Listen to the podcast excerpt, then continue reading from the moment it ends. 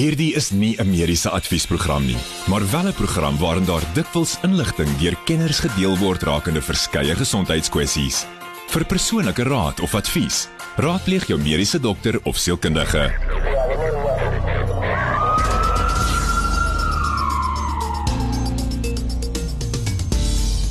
Baie welkom by Vanaand se groot drama. Dis 7 minute oor 8 op hierdie klein Saterdag. Ek is Pieter Kloete, soos gewoonlik tot Jaco van die kerk in die ateljee. Jaco, hoe gaan dit?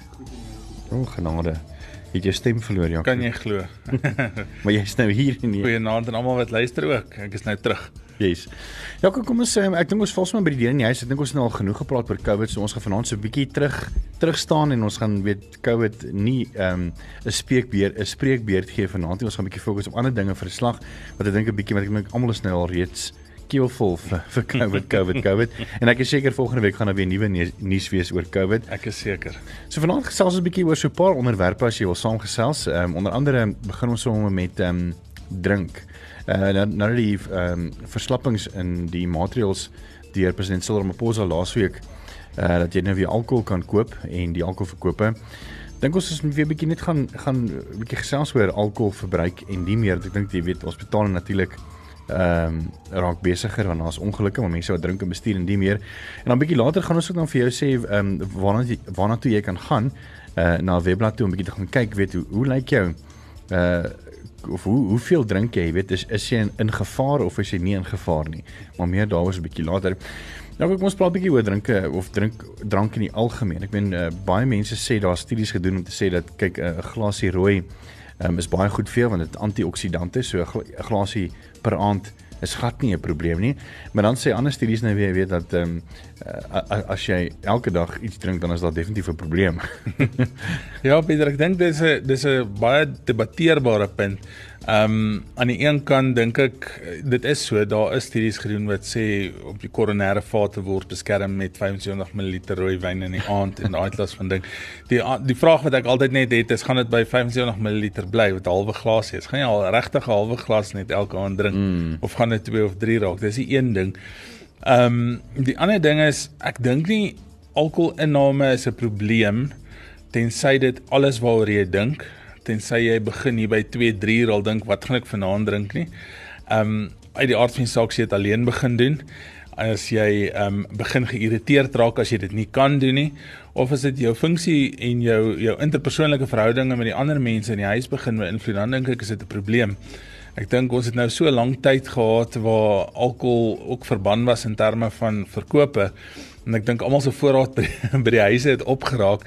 So toe hulle nou weer begin het, ek weet nie, ehm um, ek het nie hierdie keer so baie foto's gesien soos die laaste mm. keer met op sosiale media met met die mense wat rye staan nie, maar het het die mense weer aan die kuier gegaan en en ek dink ons sien baie komplikasies van Engelse woord binge drinking. Mm. Ehm mm. um, en die oomblik wat 'n mens van binge drinking praat, dan dink meeste mense dis nou, jy weet, bottles. Studente, um, jy weet. Ja, nee, kyk, die dinge gaan groot. Maar ehm um, aan die einde van die dag as mens gaan kyk na die definisie van binge drinking, is dit 'n alkoholvlak of alkoholinname wat jou alkoholvlak by 0,08 ml of of gram per desiliter bloed gaan gaan bring. En as mense dit in drankies gaan omsit, is dit on, ongeveer 5 drankies vir 'n man en 4 vir 'n vrou, gemiddelde geboude man en vrou oor 'n tydperk van 2 ure. Nou as jy mooi gaan dink, ehm um, is iemand by 'n braai is of iemand by 'n kuier uh, plek is, dan is 'n uh, drankie per halfuur nie so so moeilik om te kry nie. Mm. En as jy by 4 kom, tel dit as per definisie binge drinking. Sure.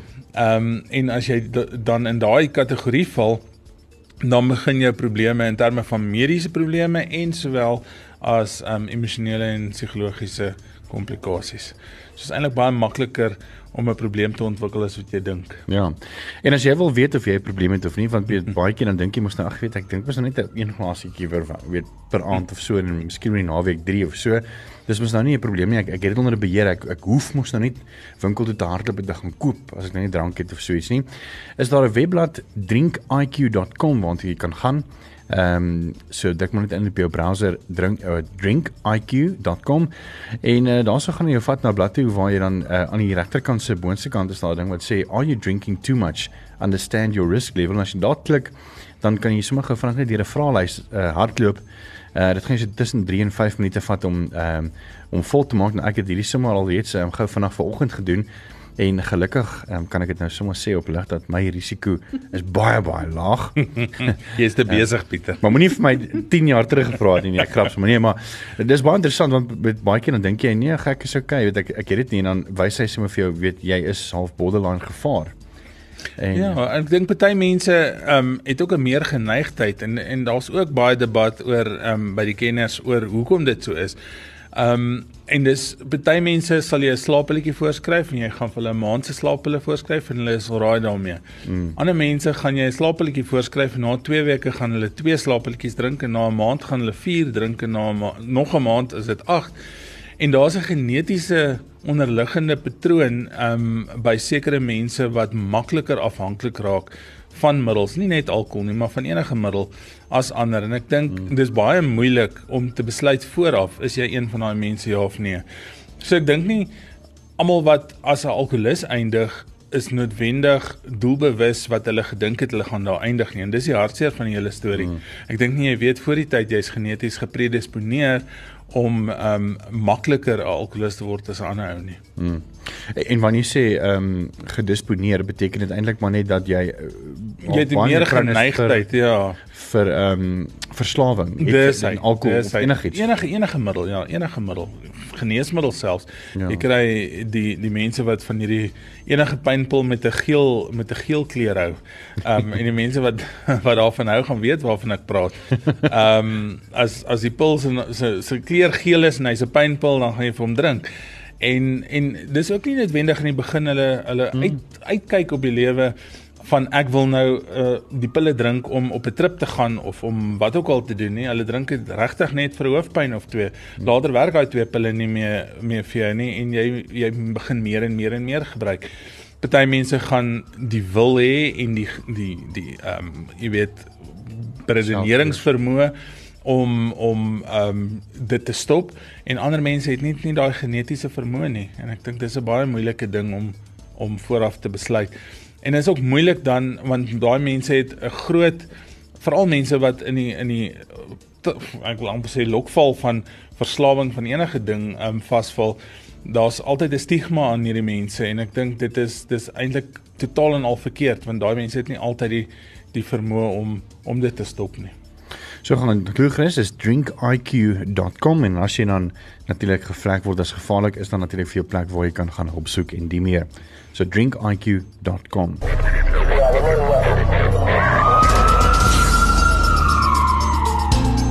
Welkom terug. Ek is Pieter Kloete saam met Dr. Janko van Niekerk en ook Esmeralda Burger. Uh, ons het net voor die breek 'n bietjie gesels oor uh, weet hoe jy kan bepaal en om weet of jy dalk 'n probleem het wanneer dit kom by by drink. En net weer daai webblad is drinkiq.com as jy gou daai vraelys wil voltooi en kyk wat is jou risiko.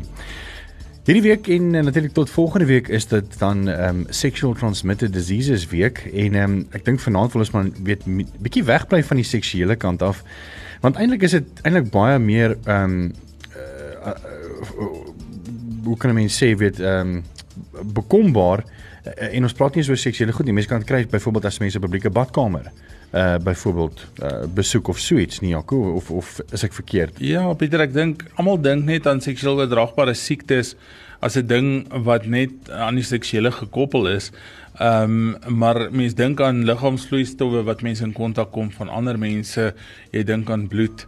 Ehm um, en dit is 'n baie algemene ding. Die probleem wat wat mense het, die oomblik wat jy oor seksueel oordraagbare siektes praat, dan dink mense ehm um, jy gaan hierdie gestigmatiseerde alle die stigma om dit. En ehm um, ek dink dit is so totaal en al onnodig. En omdat die mense bang is om daaroor te praat is dit een van die grootste probleme van die wêreld. Ehm um, ek het dan hier 'n stuk van die wêreldgesondheidsorganisasie wat sê meer as 1 miljoen mense sal elke dag in die wêreld aangesteek word met 'n seksueel oordraagbare siekte welke wyse ook al Nou, dis 'n ongelooflike hoeveelheid. Dit is dis meer as as COVID. Ja. Ehm um, per dag. Ehm um, en dan elke jaar is omtrent 376 eh, miljoen nuwe infeksies wat verskriklik baie is. Jy weet, ehm um, Die die die groot ding is ons ons dink aan voorkombare probleme as gevolg van seksueel oordraagbare siektes en as jy na hulle statistiek kyk sê hulle dan 290 miljoen vrouens loop tans met menslike papilloomvirus rond. Nou menslike papilloomvirus is een van die goed wat sonder simptome kan voorkom. Dis nie noodwendig omdat jy 'n losbandige lewe lei en of 'n veelvuldige ehm um, geslags ehm um, maats het wat jy menslike papilloomvirus kan opdoen nie. Meeste mense weet nie eers hulle is draers nie.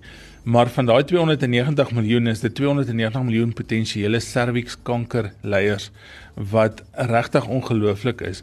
Um ek dink as mense daar praat dan dink jy aan aan aan die immunisasies wat wat beskikbaar is teen menslike papilloomvirus en wat ongelooflik effektief is in die voorkoming van hierdie kankers. Um die ander ding is goed soos hepatitis B. Almal dink altyd aan HIV en al die al die ander goed, maar hepatitis B is baie meer aansteeklik as HIV byvoorbeeld. Sure. Um word met bloed oorgedra en jy het nie baie bloed nodig om dit oor te dra van een persoon na 'n ander persoon toe nie. En um dis nie net gesondheidswerkers wat blootgestel word aan ander mense se bloed um op daai stadium nie. En hepatitis B kan vir jou byvoorbeeld 'n kroniese tipe van draerstaat ontwikkel. Met ander woorde, jy kry jou siekte, jy kry jou geelsig, jy word beter. Jy dink jy is oukei, okay, maar jy bly 'n kroniese draer van hierdie hepatitis B. En 15, 20 jaar later, dan kom jy agter jy het ewe skielike lewerkanker en almal wonder waar kom dit vandaan? En dit kom van die hepatitis B af.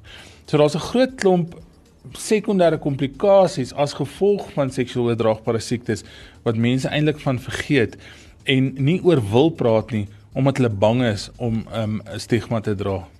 Ja, so as ek jou vraagie kan antwoord, Pieter, um nee, jy kan nie noodwendig 'n seksuele oordraagbare siekte kry as jy publieke toilet gebruik nie.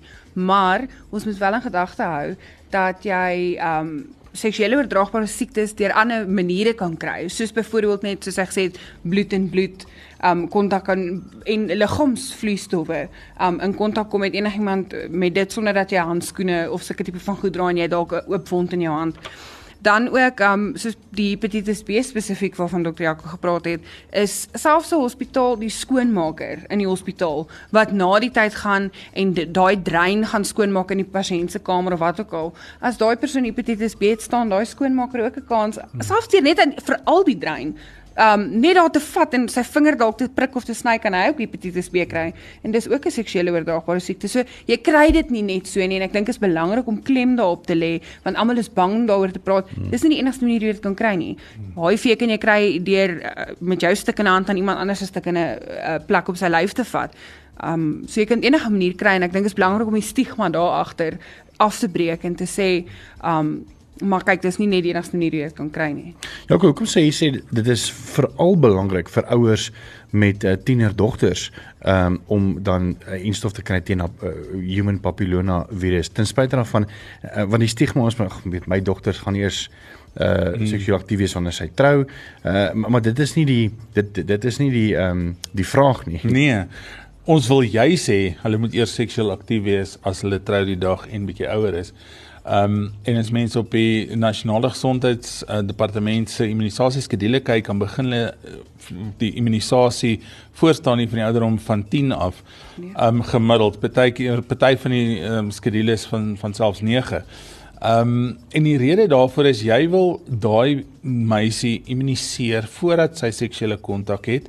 Die immunisasieskedule is eintlik 3 inspuitingkies wat oor 'n tydperk gebeur wat dan na ehm um, eintlik vatbaarheid vir menslike papillomavirus vir al spesifieke tipes. Daar's verskillende tipes en die algemeenste tipe wat ehm um, servikskanker veroorsaak is tipe 16 en tipe 18. Ehm um, maar daar's ander ook. En jy wil eintlik hê sy moet genoeg kans hê en haar liggaam moet genoeg kans hê om weerstand te kan bied teen hierdie teen hierdie papillomavirus. Nou kan jy ook sê maar ehm um, sy gaan trou met 'n man wat ook nog nie seksueel aktief was nie. Wat beteken nie hy kan nie 'n draer wees nie. En ek nou net sê menslike papilloomvirus het nie altyd simptome nie. Mm. So die man is gesond, die vrou is gesond, nie een weet die ander een dra dit nie en uh, gee dit oor en weer aan mekaar en die einde van die dag is dit die vrou wat wat die servikale kanker um ontwikkel. As mens gaan kyk na getalle, is servikale kanker een van die topoorsake van van dood in ons land. Ehm um, as mens gaan kyk na die ehm um, Europese uh, populasie dan's borskanker in vrouens waarskynlik nog die eerste, maar in die meer Afrika populasies um, is is dit servikale kanker. En dit is 'n ongelooflike groot probleem. En in die eerste wêreldlande waar hierdie immunisasies al ruk lank beskikbaar is, sien mense 'n dramatiese afname in die insidensie of die, die daar's geen toename nie in in die insidensie van van ehm um, servikale kanker nie. Ons is net nie nou weer terug, is groot drama en ek is Pieter Kloete.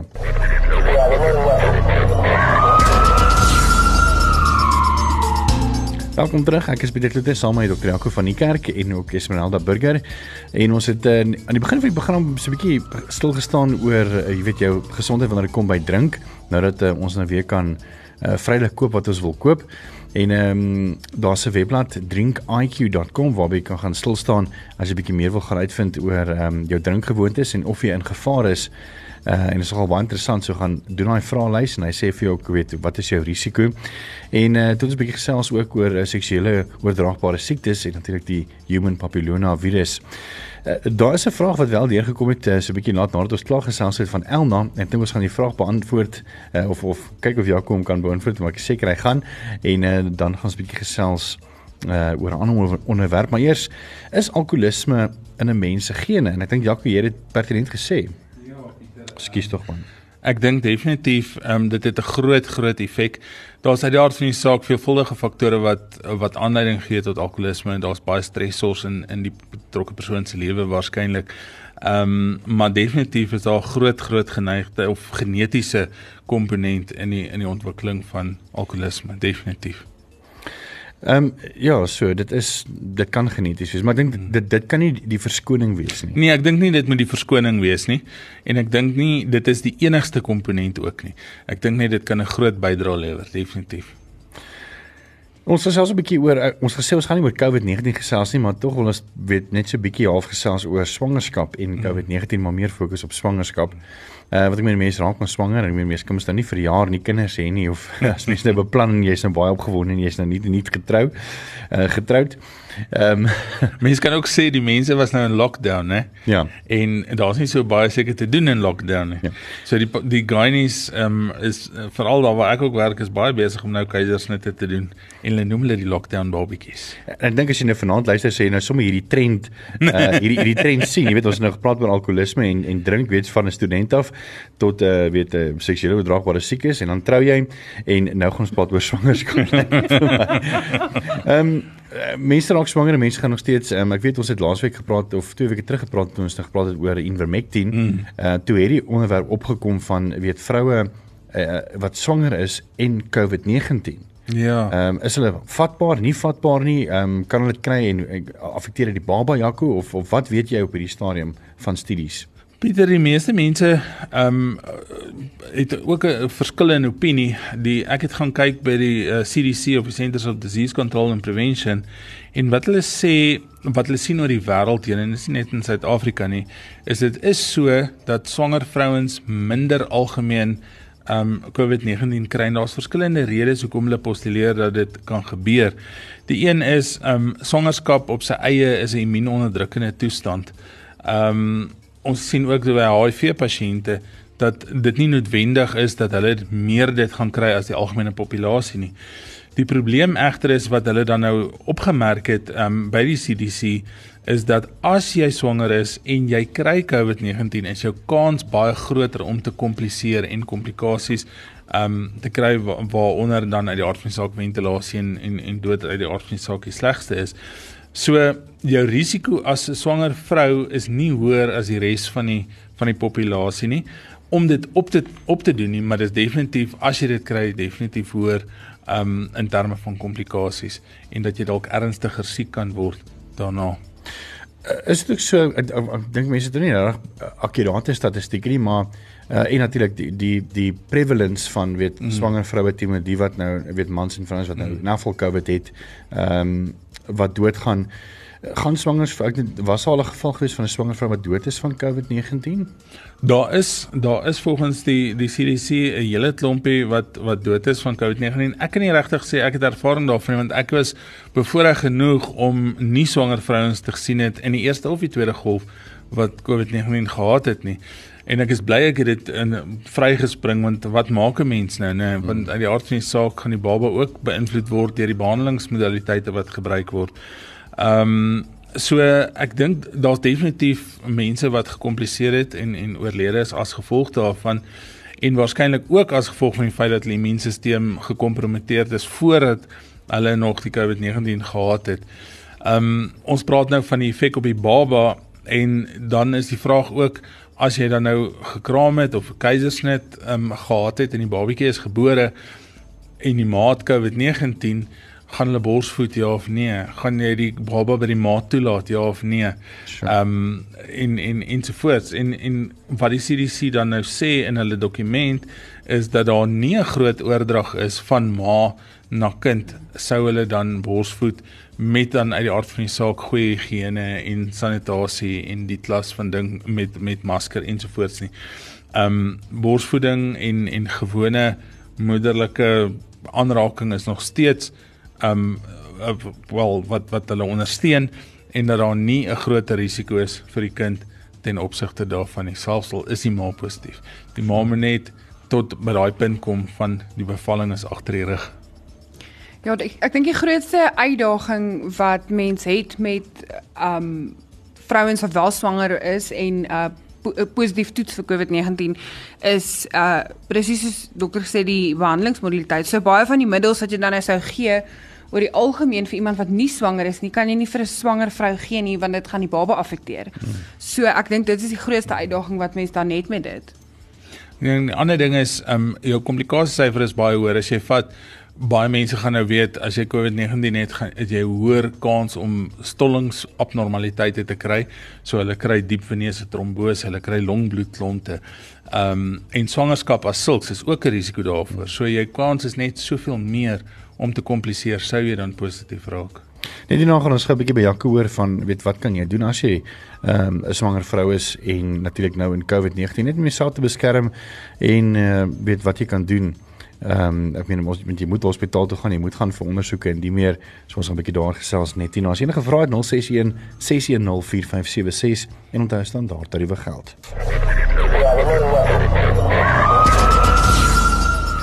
Baie interessant onderwerp ons gesels ons 'n bietjie van lig af oor weet daar's so baie om te sê uh, oor swangerskap en COVID-19. Maar Esmeralda, jy het nog 'n baie goeie vraag wat ek dink baie swanger vroue graag wil weet. Weet wat doen jy nou as Ja, my my vraag is as jy nou swanger is en jy is voltermyn en um jy is in selfisolasie by die huis, het sy jy nou COVID positief getoets het of dalk as jy um in kontak was met iemand wat positief getoets het en jy is onder self uh, in selfisolasie by die huis en jy gaan in kraam en aktiewe kraam, wat doen jy dan? Aan die einde van die dag bel jy nog steeds die ambulans, die ambulans gaan nog steeds uitkom na jou toe. Hy gaan jou nog steeds hospitaal toe vat en ons gaan jou steeds sien en help. Hooplik het jy jou guy nie gereeld gesien ja. en dat jy nie is soos wat ek al ehm um, agter in voertuie babetjies gevang het nie. Maar as dit moet dan sal dit ook gebeur. Ehm um, aan die einde van die dag, ek dink ons almal wat in hospitale werk, het al met COVID pasiënte gewerk en ek dink ons doen dit al so lank. Ek ek wil nie sê ons is oor dit nie. Ek wil ook nie sê ons moenie respek hê vir die siekte nie maar ek dink ons ons gee nie meer om daar's nie vir ons enigstens meer 'n verskil tussen het jy nou COVID of het jy nou nie COVID nie. As jy 'n probleem het, het sy trauma, het sy swangerskap, het sy wat ook al, gaan hospitaal toe as jy hulp nodig het, kry dit. 'n Ding wat ons baie sien en en ek dink 'n ding wat ek moet sê is dat ons op hierdie stadium nou dat die mense bietjie meer begin rondbeweeg, baie meer verwaarloosde kroniese siektes sien. Jy weet, ek het vandag 'n pasiënt gesien wat ek dink elke liewe versaking in die boek het. Ek het begin by hartversaking, nierversaking, lewerfunksie inkorting. En baie van daai goeters, die een veroorsaak die ander een en en ek dink dit kan tot so groot mate voorkom word deur net as iets jou pla, gaan tog net asseblief hospitaal toe of dokter toe of waar ook al jy jy hulp kan kry.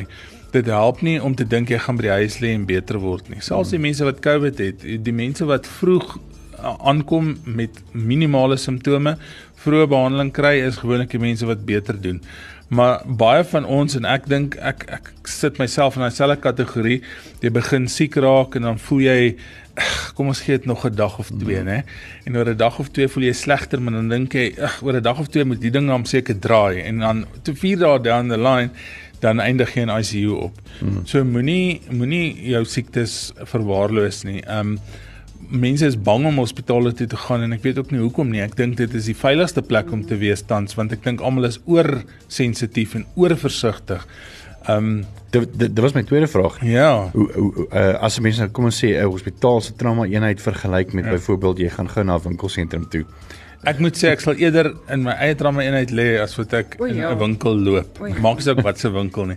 En die rede is as daar 'n persoon uitgaan tans ehm um, byvoorbeeld van 'n ongevalle eenheid af na die saal toe word daai bed gewas, die beddens staan buite, die beddens word ge, ons praat van gezap, maar word amper soos met met 'n uh, uh, ligte bestraal. Ehm um, dit word ongelooflik goed skoon gemaak. Ek dink baie meer as in enige ander mm. um, area waar jy jouself in kan bevind. Ehm um, so dis eintlik dink ek op hierdie stadium die veiligste. Ek dink die meeste geld in die laaste jaar is gespandeer aan die opgradering van hospitale reg oor Suid-Afrika. En as jy gaan kyk selfs net na die aircon-sisteme en goed wat ingesit word, ehm um, dink ek is dit daar plekke wat jy wil wees, is dit eerder hospitaal as wat dit jou lokale koswinkel is. Ek dink ek dink daai blikkie bypens op die rak wat nou al vir 6 maande daar staan en almal al gevat het, wil jy nie noodwendig gaan nee, vat nie. Nee, definitief. Ja. Net so 'n paar riglyne ehm um, miskien ook vir vir 'n vrou wat swanger is wat wat sy weet soos byvoorbeeld ek weet ek weet een van die riglyne is moenie bang wees nie as jy wil hospitaal toe gaan jy voel nie goed nie gaan. Ja, ek dink die, die heel belangrikste is moenie jou ginekoloog se afsprake skuif of mis of uitstel of enigiets nie. Ehm um, die oomblik wat jy dit begin doen, het jy risiko vir komplikasies wat kan plaasvind en die oomblik wat jy dan ingaan na hospitaal toe met daai komplikasies is daar niemand wat jou geskiedenis ken nie. Mm. En dit word 'n al groter risiko om swanger vrouens te sien sonder dat jy hulle geskiedenis ken. Ehm um, daar selfs van die ginekoloog en en almal wat wat in daai ouderdomsgroep is van van swangerskappe sal weet baie ginekoloog in Gauteng doen nie meer obstetrie nie weens daai hoë risiko. Hulle sal net ginekologiese siektes behandel. So daai die die pool van ginekoloë wat obstetrie behandel raak al hoe kleiner omdat die risiko so hoog is omdat mense nie opvolg baie keer ook nie en hulle weet nie wat is die komplikasie wat hulle gaan kry nie en as sit jy met 'n slegte uitkoms is daar altyd na die tyd wie se skuld was dit nou eintlik mm. en dan is almal hartseer daaroor en almal is spyt daaroor en iemand moet die skuld kry maar ehm um, eintlik moet dit begin by gereelde opvolg dis baie belangrik die tweede ding is ehm um, luister wat jou gynae vir jou sê.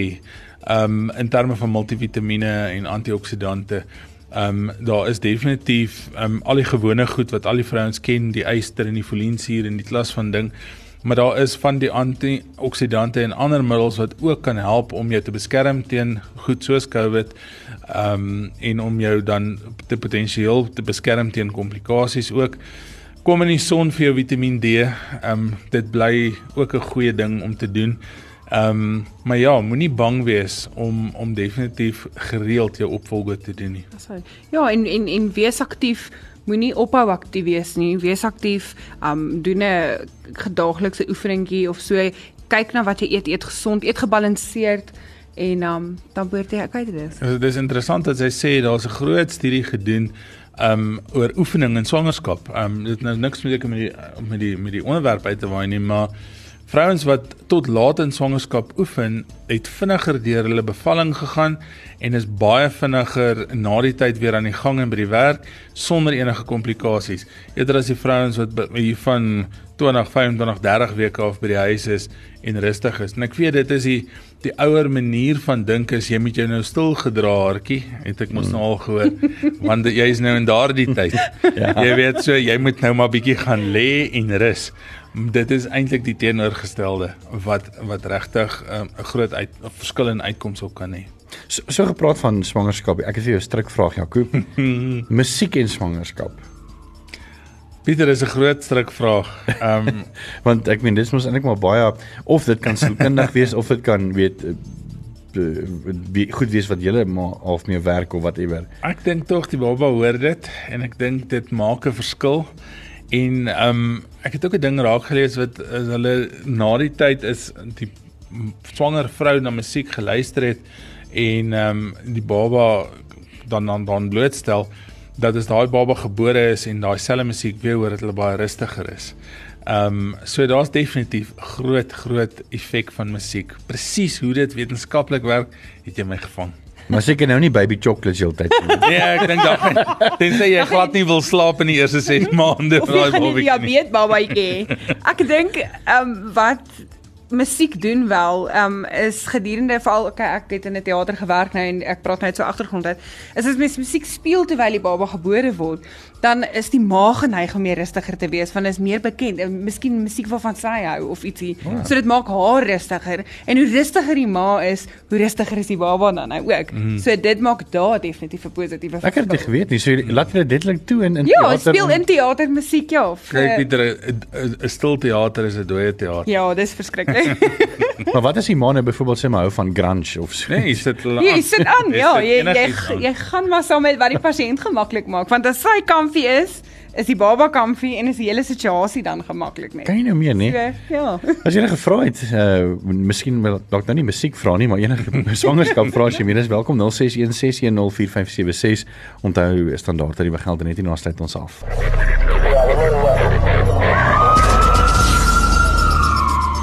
Dis 7 minute weg van 9 uur af, blink skankel vir Sander van die Westhuizen wat vir jou geselskap gaan hou tot 11 uur.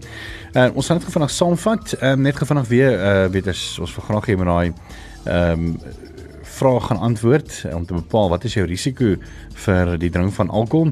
Dis op drinkiq.com en ons het 'n bietjie gesels oor seksuele transmitted diseases, uh, want ons vandag natuurlik hierdie week en die human papillomavirus ehm um, se enstof se eerste ronde begin tel van die 11de Februarie tot die 27ste Maart.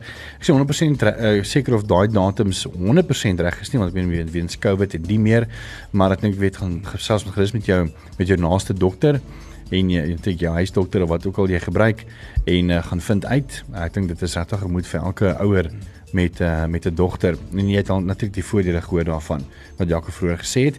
En dan het ons natuurlik gesels oor swangerskap en 'n paar interessante feite gedeel. Ek het ek is nog steeds stom geslaan Jaco en net maar oor die die feit dat jy letterlik toelaat dat ehm um, as hulle met geboortes doen om die dames of die meisies se musiek te speel wat sou.